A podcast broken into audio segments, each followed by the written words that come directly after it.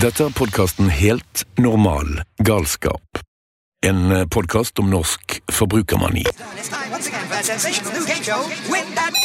Podkasten er produsert av Scenario AS og er støttet av Fritt Ord.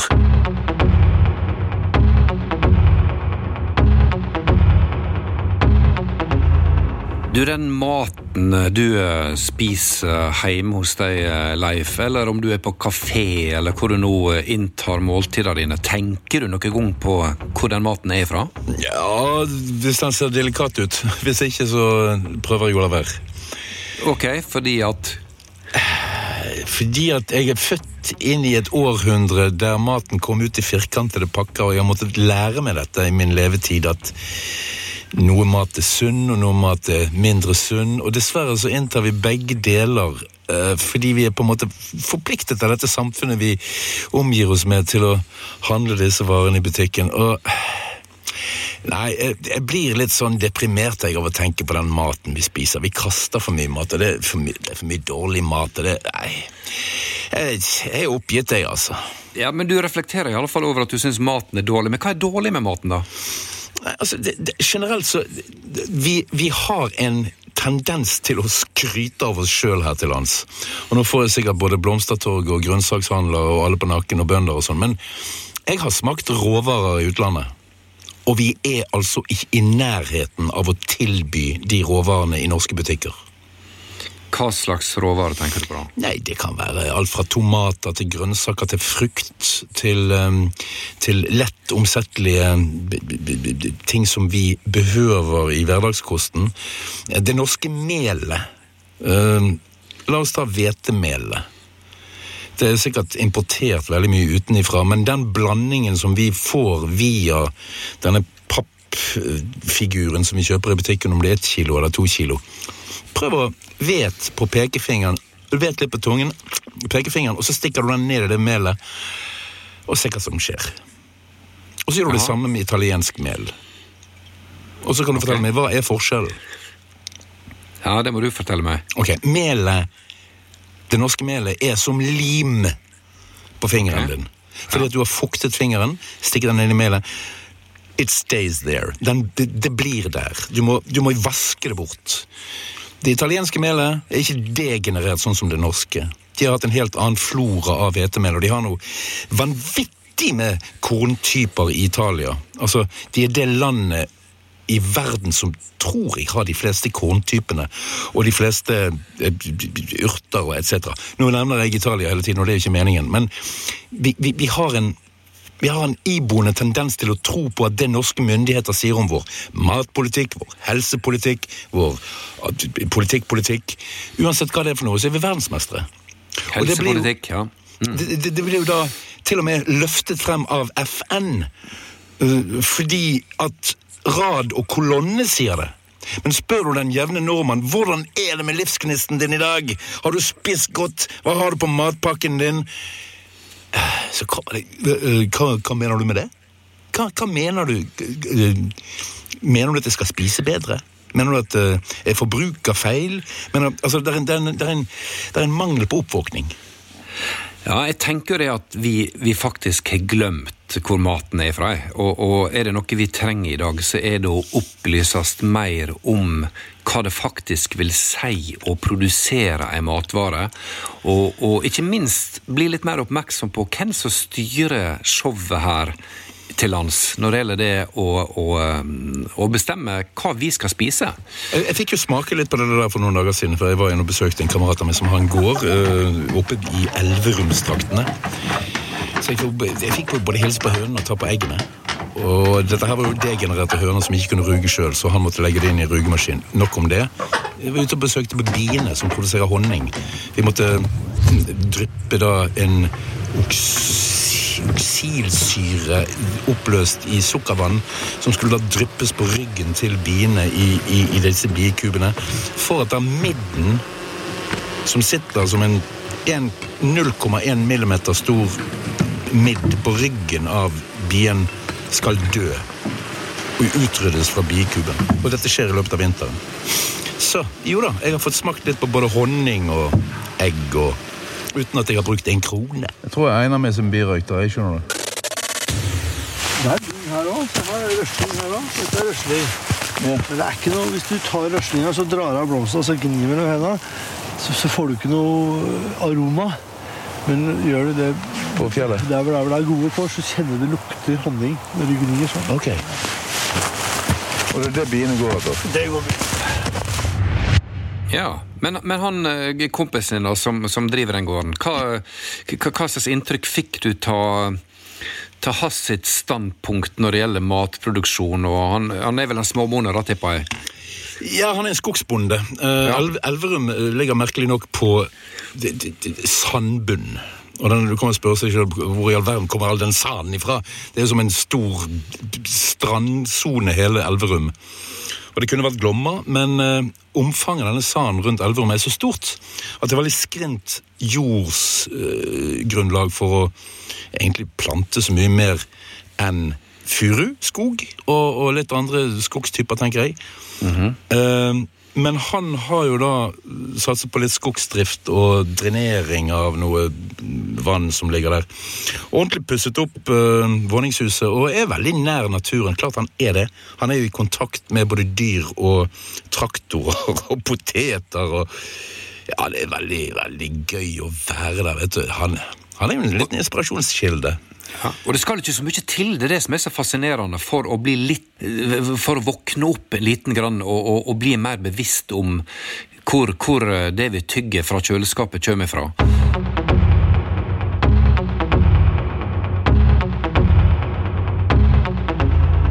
Dette er podkasten Helt normal galskap. Mitt navn er Leif, og nå skal jeg introdusere vår neste gjest. Anders Nordstad han ble nylig kåret til årets formidler av Matprisen 2022 i regi av stiftelsen Norsk Mat. Han var tidligere generalsekretær i Norges bonde- og småbrukarlag og har bl.a. lang fartstid i internasjonal kornhandel. I dag bruker han mesteparten av energien sin på å informere norske forbrukere om situasjonen i et jordbruk, der stadig færre produsenter lager jordbruksprodukter med stadig mindre bruk av norske ressurser, og med stadig lavere lønnsomhet. Nordstad mener det er et stort behov for endring, og at nøkkelen til dette, det er å få folk flest til å forstå hva som står på spill nemlig vår fremtidige evne til å brødfø oss selv. Hør etter når Fredrik møter Anders Nordstad. Eh, Anders, da du var fotballspiller og eh, eh, ble eh, mester i Norway Cup, og seinere spilte på høyt nivå på både Frigg og i Stabekk, så du den gangen da du var på banen, den fyren som skulle kjempe for norsk matproduksjon? Visste du at du hadde det i deg den gangen? Nei, det kom nok litt overraskende på, for å være helt ærlig. Men eh, klart, faren min kommer fra en liten jordbruksbygd oppe i Nord-Østerdalen. Så jeg hadde jo tilbrakt mye av barndommen min på en måte i matproduksjonsmiljøet. Eh, så sånn sett så Men eh, det var relativt fjernt for meg da jeg drev og løp, løp etter kula. Men, men hvor kom din interesse for, da, for norsk matproduksjon? Nei, den kom vel rett og slett fra at jeg ble på en måte født inn i internasjonal kornhandel, for det var faren min drev med. Eh, Og så tok jeg over hans business etter hvert. Og siden det så har jeg egentlig jobbet i internasjonal, eh, internasjonalt jordbruk. Og noe av det, bl.a. i Brasil og mange andre steder i verden, så har jeg på en måte sett industrilandbruk på, på veldig nært hold. Og det er rett og slett litt sånn at jo nærmere du kommer, jo styggere blir det. Så begynte jeg å reflektere over at ja, men dette småskala familiejordbruket vi har i Norge, det er jaggu ganske verdifullt. Og kanskje verdt å kjempe for å beholde. Så det er vel kortversjonen av hvor interessen kommer fra. Ja. Men i dag ser vi jo det stikk motsatte, at flere og flere småbruk blir lagt ned. Hva tenker du om det? Nei, jeg tenker at det er en eh, feilslutning at vi har en matpolitikk som medfører nettopp det. Eh, det ligger jo inne i hver, hver eneste jordbruksforhandling at så og så mange matprodusenter skal bort. I på en måte et, som jeg syns, litt naivt håp om at det skal gi lønnsomhet til de få som blir igjen. Og så tenker jeg at nå har vi holdt på med dette her i 70 år snart. og det er ingenting som tyder på at den lønnsomheten kommer. Og da tenker jeg at da er det jaggu på tide å tenke litt nytt og tenke litt annerledes. Og det tror jeg er viktig. Men kan du dra oss litt gjennom hva er det som er det største problemet, den største utfordringa med å drive et lite bruk i dag? Jeg vet, og det på grunnlag av egen research, at du f.eks. ikke får like mye støtte med mindre du kan produsere så og så mye. Slik at en, en småbruker som vil satse på heller et, et, et mangfold, så, så, vil ikke han eller hun få samme type støtte som om de hadde drevet med monokultur i større omfang.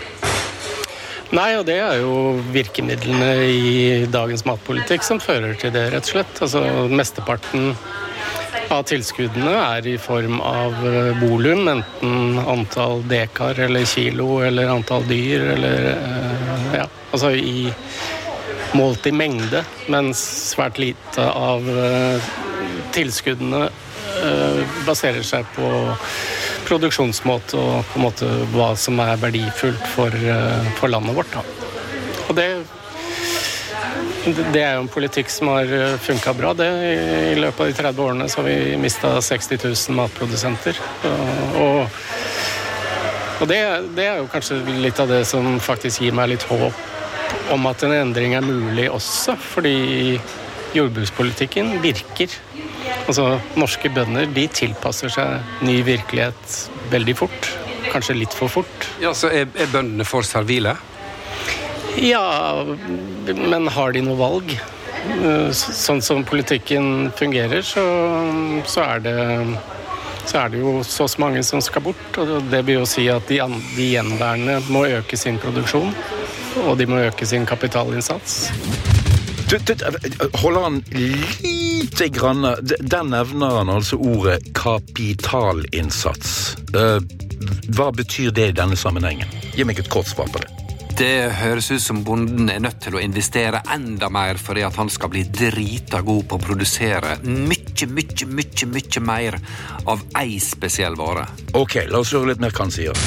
Så håper de jo håper å si fortsatt på at en eller annen gang skal lønnsomheten i den produksjonen komme, men uh, det gjør den ikke. Og det, det er vel noe, av det jeg har sett godt i internasjonal jordbruk, for dette er jo ikke noe som bare skjer i Norge, det skjer jo overalt. Men uh, man hopper vel litt bukk over noe av den kanskje viktigste mekanismen som fins, og det er det som kalles jordbrukets økonomiske tredemølle. Dvs. Si at effektivitetsgevinster i jordbruket medfører på litt sikt bare én ting, nemlig at prisene blir lavere. Og så må du produsere enda mer for å kompensere for at prisene Ja, du skjønner. Det, og, og, den tredemøllen klarer vi ikke å unnslippe i, i Norge heller.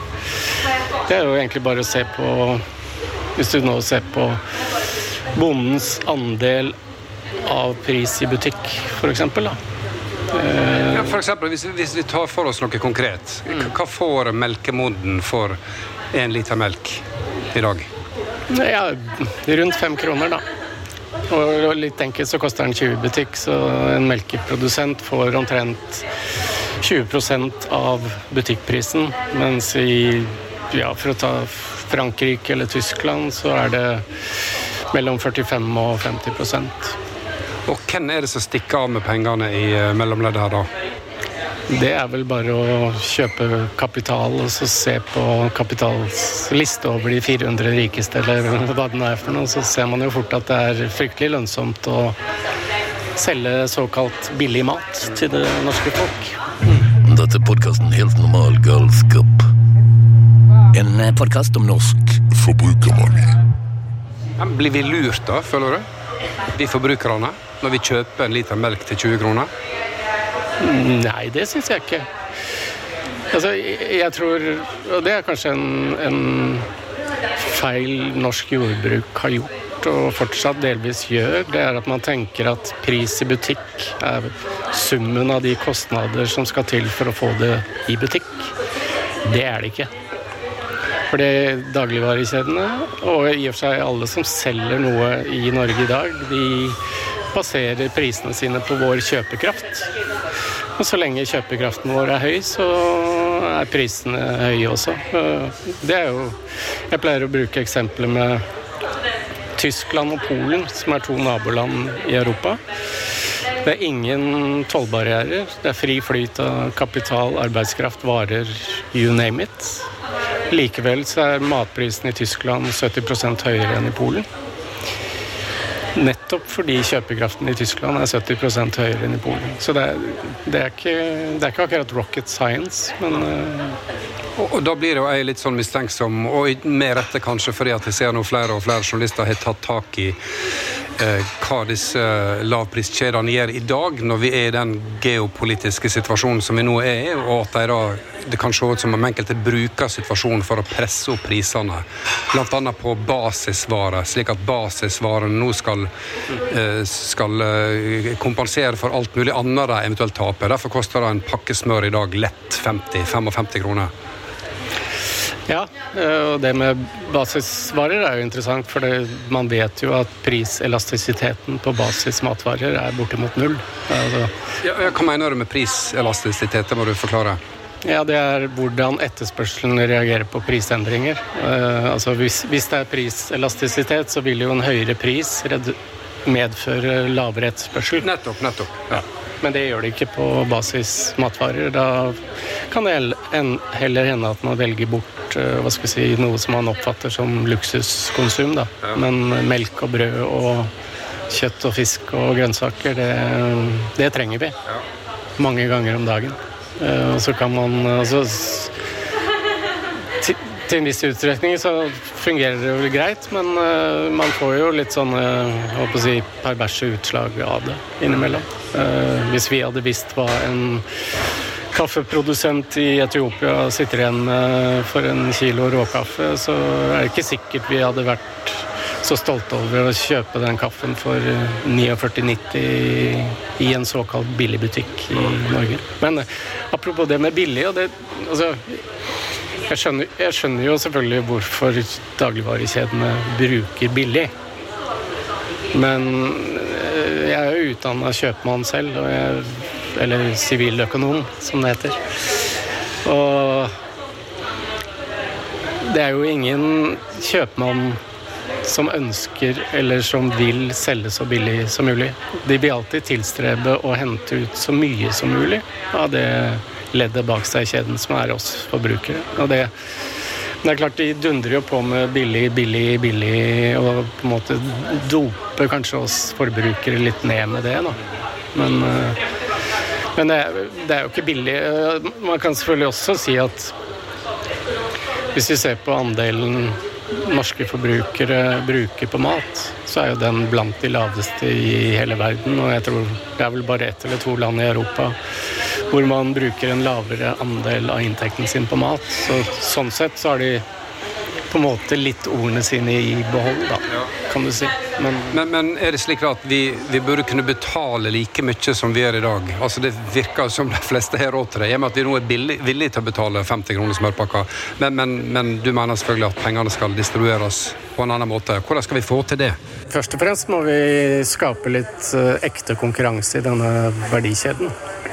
Det har vi ikke i dag. I dag så har vi tre aktører som har sikra seg ja, fire hvis du tar med bunnpris, da, så har sikra seg 99% av markedet. Og de har bygget opp hver sin lukkede infrastruktur eh, for omsetning av mat. Og det er det er lite konkurranse både mellom leverandørene og på de ulike stegene i den verdikjeden. Eh, det hadde vært Altså, det er f.eks. ikke noe konkurranse på grossistleddet, ikke på distribusjonsleddet. Og delvis heller ikke på industrileddet, fordi kjedene har jo integrert seg bakover i verdikjeden. Så de har f.eks. sine egne bakerier. De har uh, ja, grønnsaksdisken så har de på en måte kontroll over hele verdikjeden helt ned til grønnsaksprodusenten i Norge.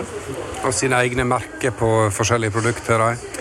Ja, du har jo EMV selvfølgelig, altså egne merkevarer. Um, og der Der må man, mener jeg, da Man kan ikke bare se på de hva skal si, de åpenbare EMV-ene som Folkets First Price, Eldorado, hva de nå heter alle sammen. Man må også ta med Altså hvis, hvis det er en leverandør som si bakeriet Godmann, da, som er eid av Coop, og bare leverer bakevarer til Coop, så selges det under Godmann-brand. Men i mitt hode, og det burde i de flestes hode, være akkurat det samme som EMB. Ja. Så dette er en måte, på en måte å dekke over det på, da? Og tro ja, at forbrukerne er, er mye mer fristilt enn de egentlig er? Ja, det er sikkert mange som f.eks. opplever Bakehuset som en merkevareleverandør. Men det er jo industribaker som er eid av Norgesgruppen, og som bare leverer til Norgesgruppen. Mm. Så, så, det, så når uh, dagligvarekjedene sier, påstår at EMV-andelen i Norge ikke er spesielt høy, så er det en sannhet med sterke modifikasjoner. Dette er podkasten Helt normal galskap. En podkast om norsk forbrukermani. Du snakka innledningsvis om den bransjen du sjøl jobber i, internasjonal kornhandel. Og nå snakker vi om uh, norsk uh, matproduksjon og distribusjon av mat. Altså, er det en, altså, Jeg har jo lest noen historier, jeg har hørt historier, uh, anekdoter om at det er en knallhard bransje. Om at det er liksom nærmest mafiavirksomhet. Stemmer det? Vet ikke om vi kan bruke betegnelsen mafia, men, men ja, kanskje. For det er Altså når det gjelder handel med jordbruksprodukter i verden, så er det fire private selskaper som styrer 90% av verdenshandelen. Og de styrer ikke bare handelen, de har også integrert seg bakover i kjeden, så de styrer egentlig veldig mye av eh, hele jordbruksproduksjonen, hvor bonden på en måte egentlig bare er en leilending for eh, deres kapital og deres finansielle mm, mål. Da. Mm. Jeg har jo sett skumle dokumentarer fra Amerika, bl.a. om uh, Monsanto, som uh, tvinger kornprodusentene til å bruke maiskorn som er fra deg, og hvis de ikke gjør det, så kommer det en bil med soter ute og sirkler rundt eiendommen din. Stemmer disse tinga, tror du det? Gjør det? Jeg har ikke opplevd det selv, det har jeg ikke. Men jeg har jo vært en del i Brasil, og jeg vet jo at Monsanto da jagde etter bønder og Eller de var ute og sjekka såkornet, om det kom fra dem. Og, og det, for det kan de jo analysere seg fram til. Og viste seg at det var tilfellet, så var det bare å, bare å betale. Ja, nettopp. Mm. Men, men, tilbake til, til, Norge da, og oss som forbrukere. Nå, nå, prøver jo jeg og min familie å kjøpe så mye vi kan direkte fra bonden. Bl.a. blant annet Reko-ringen. Hjelper det at vi gjør sånt? Det hjelper.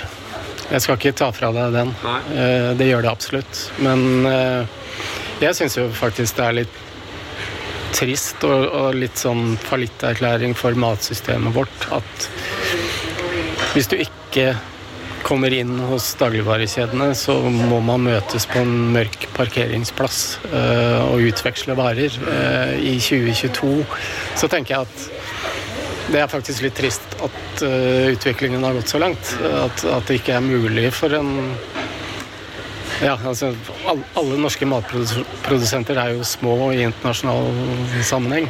At, at det ikke finnes på en måte i et moderne samfunn et, et, bedre alternativ, rett og slett. Men for all del, Reko er eh, bra. Og det, det sender jo også, kanskje, i hvert fall, noen signaler til uh, de som styrer uh, dagligvarekjeden om at forbrukeren ikke er helt happy med tingenes tilstand. Men men det er klart, volummessig så vil det nok forbli en ganske liten nisje, da. Ja.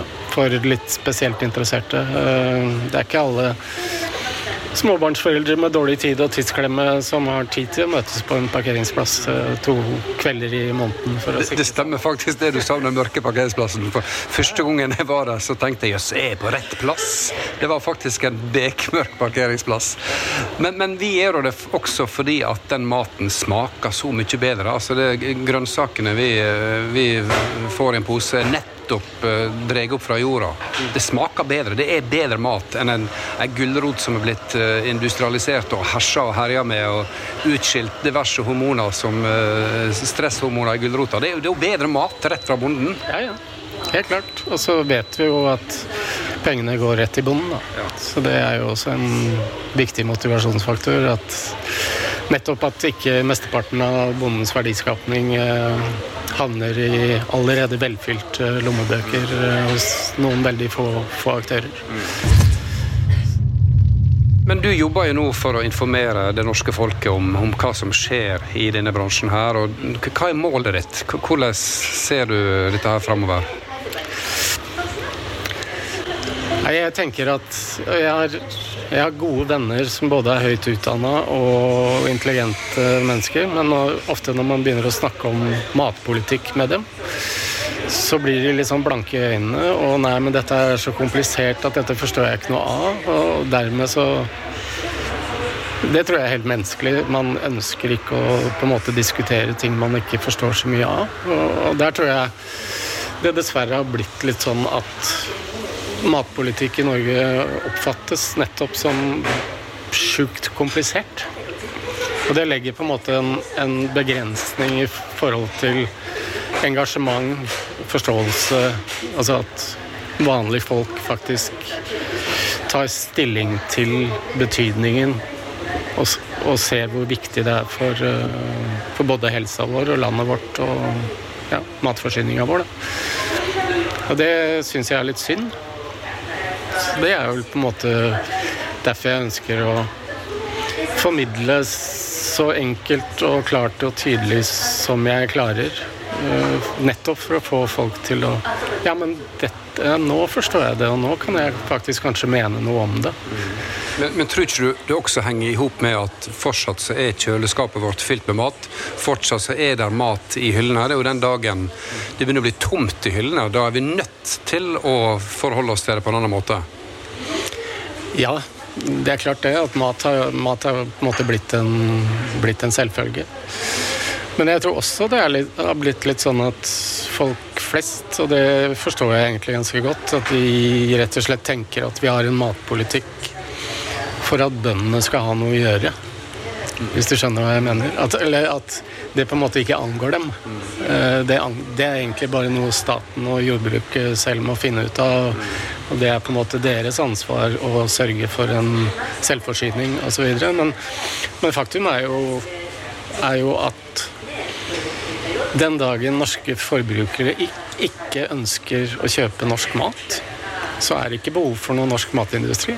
Og da er det heller ikke noe behov for norske matprodusenter eller bønder. Så, så ting henger jo sammen her. Ja, og Sånn sett så er det skummelt da med tanke på hvor mye veldig god og spiselig mat som blir kasta og pløgd ned igjen i åkeren hvert eneste år i Norge, fordi at poteter ikke er fin nok, og vi vil heller ha ei fletta korg fra Frankrike. Det er selvfølgelig Det har du helt rett i. Men jeg har lyst til å dra det litt sånn større bilde. Eh, Det er ikke bare Norge, men, men det er jo dette med energi, da. Som vi har opplevd nå siste året. eh, Når energi plutselig ikke er så billig lenger, for å si det veldig forsiktig. Nei, men det er jo det at i moderne matproduksjon i dag så bruker vi jo ganske mye energi for, bare for å produsere råvaren. I form av kunstgjødsel, diesel, altså alle innsatsfaktorer som går inn Som går med for å produsere maten. Det er jo på en måte greit nok. Selv om energien vi får ut av den maten faktisk er lavere enn den energien vi har putta inn. Men det er nå én ting. Eh, Men så ser vi jo også at etter at råvarene er produsert, så bruker matindustrien enda mer energi på nærmest tilintetgjøre råvarene, eller prosessere de i filler, for å gjøre det billig. Og så ender det opp med at det blir så billig at vi kaster 30-40% av maten, fordi det, er så billig at det ikke betyr noe. Da, hvis du liksom legger sammen all den energien som har gått med til produsere råvarene, prosessere de, distribuere de, og se at det da blir kasta altså, Noe særlig verre form for ressurssløseri klarer ikke jeg å forestille meg, faktisk. Dette er podkasten Helt normal galskap.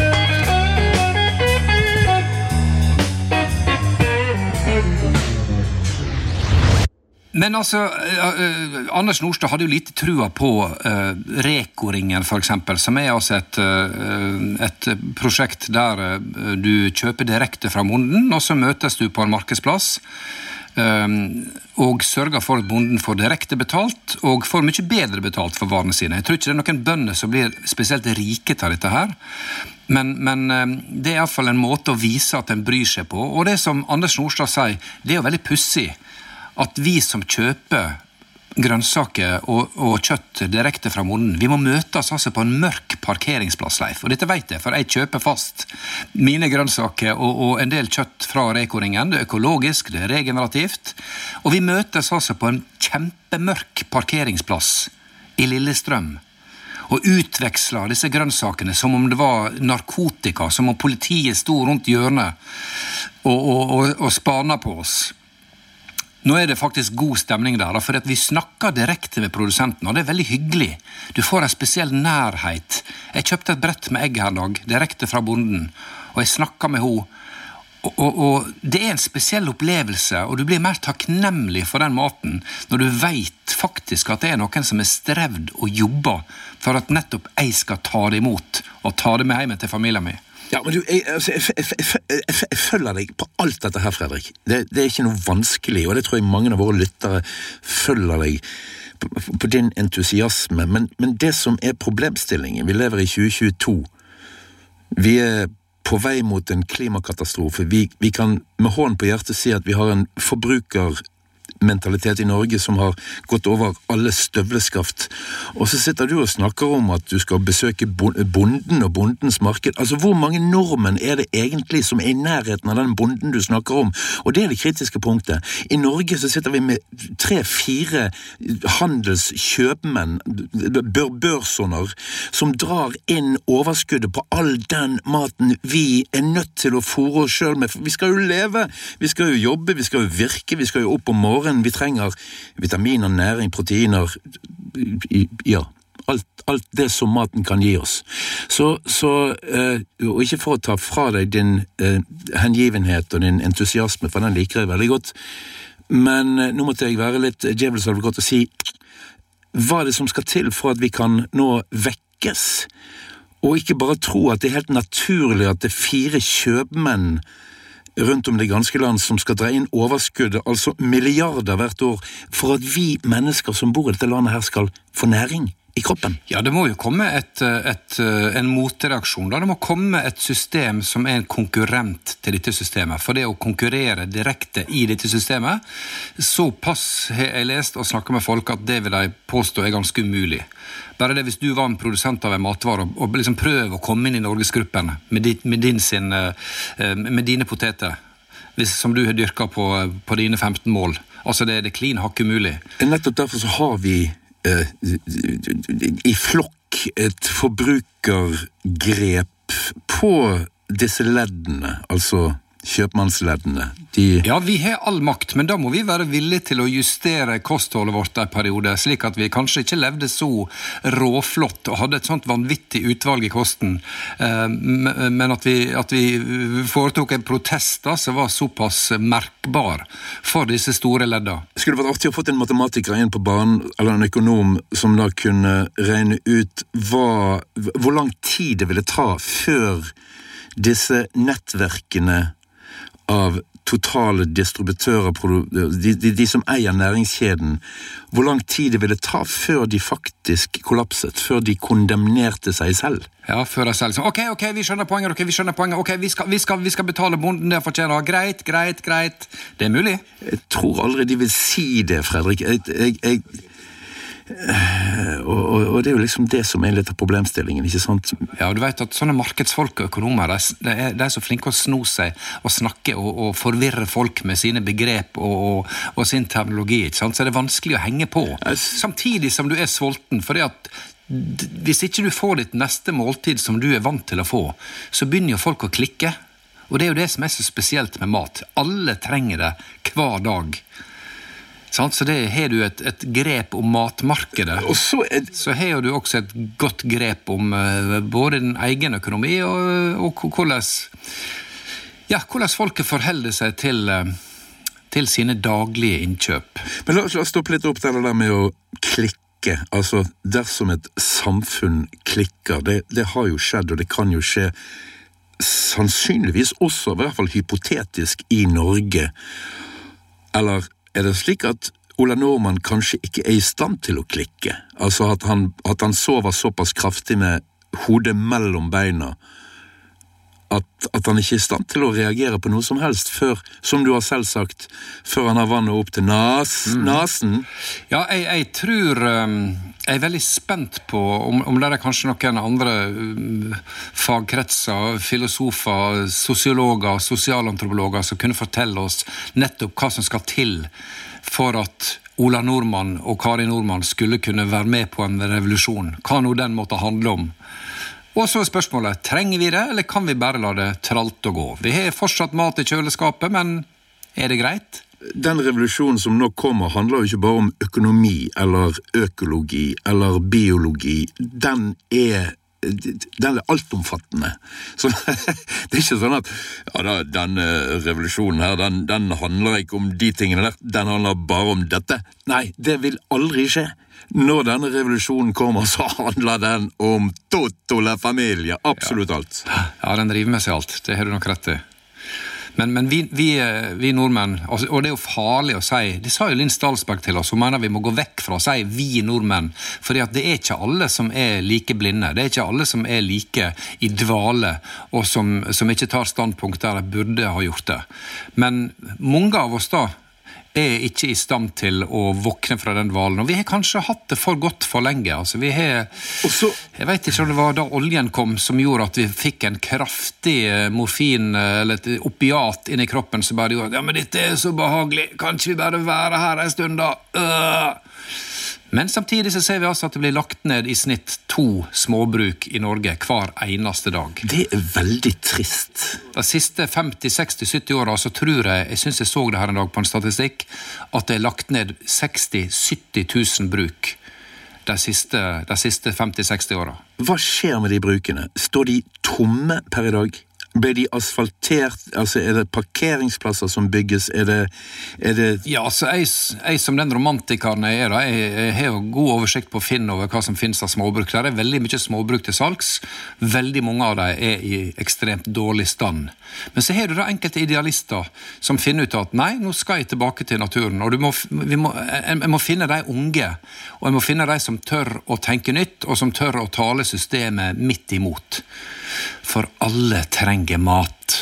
Og det er jo et så vanvittig sjukt system at produsentene da, og, og, og disse matvarekjedene ikke er interessert i småbonden.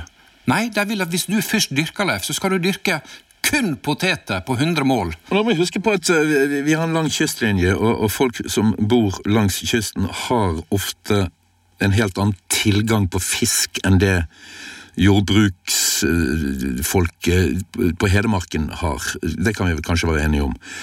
Eh, sånn at Det finnes jo en, en, en rekke muligheter for råvarer langs kysten vår, og, og mye av dette benyttes jo. Eh, naturligvis gjør det det.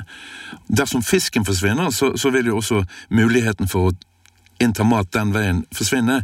Nå er det ikke noen åpenbare tegn på at all fisken blir borte med det første. Eh, men vi skal ikke glemme det at altså, det finnes matauketradisjoner i Norge som går langt tilbake i tiden. Altså Bare det der å gå ut og fiske maten sin i, i dagens samfunn, det er jo en matauke som vi nesten har glemt.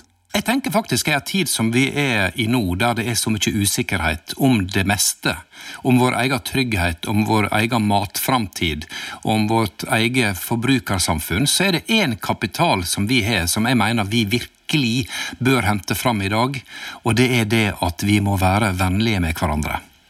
Vi er blitt en gjeng ganske sure folk som, som tenner av den minste ting, og som, eh, som tror at for at vi kjøper varer på butikken, så har vi kjøpt oss retten til å være frekk med han som sitter i kassa. Så vi, vennligheten nå i dag er vår viktigste kapital. Ja, vi er blitt et furtent folk. Ja. Late, furtne, dovne. Men nå skal vi opp igjen. Nå skal vi snu. Ja.